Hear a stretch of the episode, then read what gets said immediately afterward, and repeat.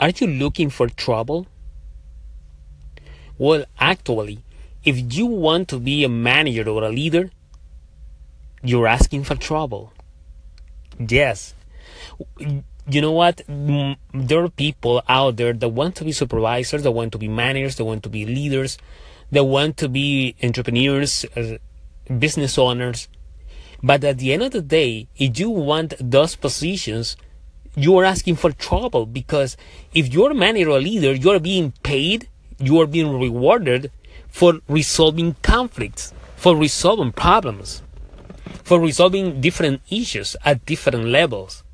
That's what happens. And if you go up and you climb up to the ladder of any corporation, of any organization, you're asking for more trouble.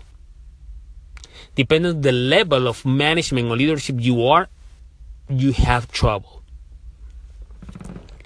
So that means that if you are able to resolve problems, if you are the decision maker, if you are a problem solver, and you feel that you can take the lead to resolve conflicts at different levels, department conflicts, organizational issues, community issues, and you're a leader and you have what it takes to resolve problems, to resolve conflict, to face challenges, to to take advantage of opportunities so you can be a great leader, a great manager.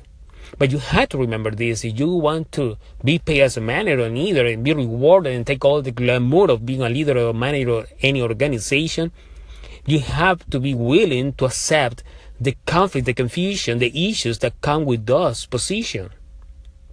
Because if you want to be a leader, you're asking for trouble. You're gonna face the trouble. You're gonna resolve the issues.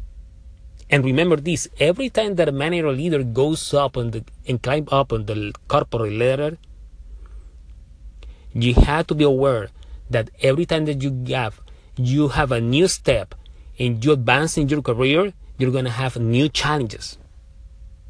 It's not the same that being the supervisor, the team leader, than being the manager of the department. It's not the same thing being the manager of the department than being the manager of a division or the CEO or the CFO or the business owner.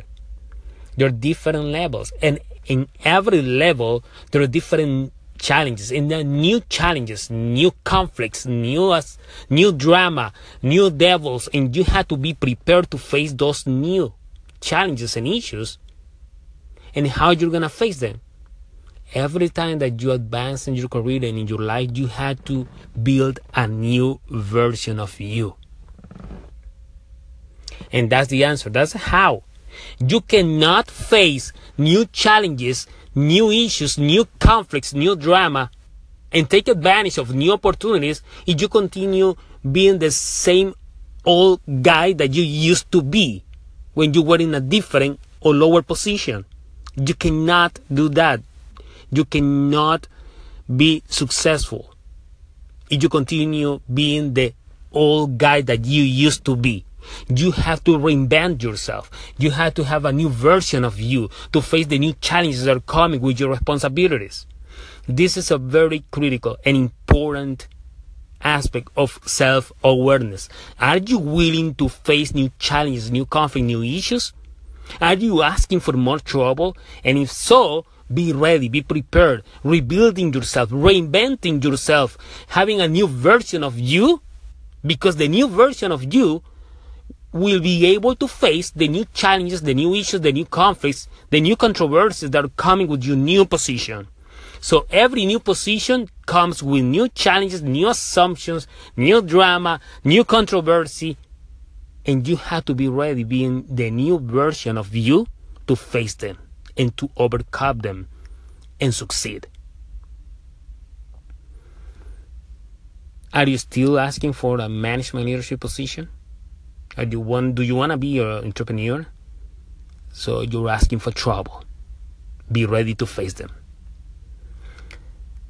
What do you think? Build and battle. Until the next time.